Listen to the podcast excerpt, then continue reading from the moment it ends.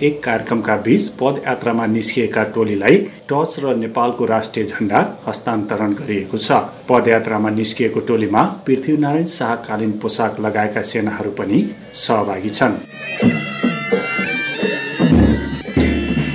बाजागाजा सहित नेपाली सेनाको रणसिंह दलगणको चालिसजना टोली पदयात्राका लागि निस्किएको हो। गोर्खा दरबारको हनुमान भन्ज्याङबाट निस्किएको टोलीको यात्रा धादिङ नुवाकोट हुँदै काठमाडौँ गएर टुङ्गिनेछ।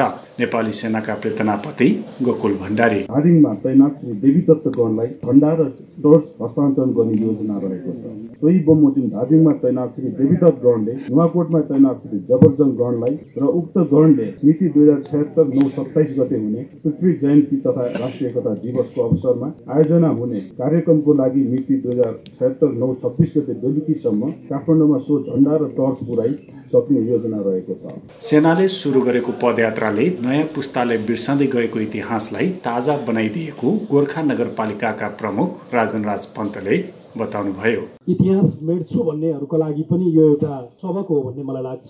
इतिहास कसैले मेटाएर मेटिँदैन। हराइरहेको जुन प्रकारको हिजोको इतिहासलाई सबै जन जनका बिचमा पुर्याउनका लागि एउटा महत्त्वपूर्ण कार्य यो कार्यक्रमले गरेको छ भन्ने मलाई लाग्छ। सेनाले सुरु गरेको पदयात्राले राज्य एकीकरणमा पृथ्वीनारायण शाहले गरेको योगदानको कदर भएको प्रमुख जिल्ला अधिकारी देवेन्द्र लामिछानेको भनाइ छ। एकीकरणको सन्दर्भमा चाहिँ आरोह अवरोहहरू थिए त्यहाँ एकातिर चाहिँ राज्य बचाउनु पर्ने चाहिँ चुनौती थियो। अर्कोतिर राज्य जित्नुपर्ने चुनौती थियो। थुप्रै संरचनाहरू त्यतिखेर स्थापित भएका थिए। ती चाहिँ स्थापित मान्यताहरू चाहिँ कार्यक्रमको महत्त्व अत्यन्तै बढेको गएको छ। एकीकरण पदमार्ग अन्तर्गत आफ्नो पालिकामा पर्ने क्षेत्रको सम्वर्धन र संरक्षण गर्ने भीमसेन थापा गाउँपालिका अध्यक्ष ईश्वर पाण्डेले प्रतिबद्धता जनाउनुभयो। र ऐतिहासिक स्मरणका चाहिँ विषयवस्तुहरूलाई पुनः जन्माउने काममा हामी अग्रसर छौँ यो पदयात्रा विशेष गरी यो गोर्खा जिल्लाको लामो बाटोको रूपमा भीमसेन थापा गाउँपालिकाभित्र पर्ने भएकोले मेरो गाउँपालिकाभित्र यो अभियानलाई गर्नुपर्ने पूर्ण सहयोग भीमसेन थापा गाउँपालिकाको तर्फबाट म गर्नेछु। ऐतिहासिक पदमार्ग संरक्षण र सम्वर्धनमा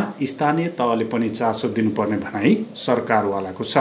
पत्रकार महासङ्घ गोर्खाका अध्यक्ष किशोरजङ थापा। भविष्यमा आगामी दिनहरूमा त्यसको बनाउने त्यस बनाउनको लागि स्थानीय तहको स्थानीय सरकारहरूले पनि सहयोग गर्ने वातावरण भयो भने पुराना हाम्रा पहिचानहरूलाई हामी फेरि पुनर्ताजी गर्न सक्छौँ र जसले गोर्खाको इतिहास मात्रै नभएर नेपालको इतिहासलाई विश्व सामु परिचय गराउनको लागि महत्त्वपूर्ण योगदान पदयात्राले ऐतिहासिक क्षेत्रको संरक्षण र सम्वर्धनका लागि सहयोग पुग्ने विश्वास गरिएको छ।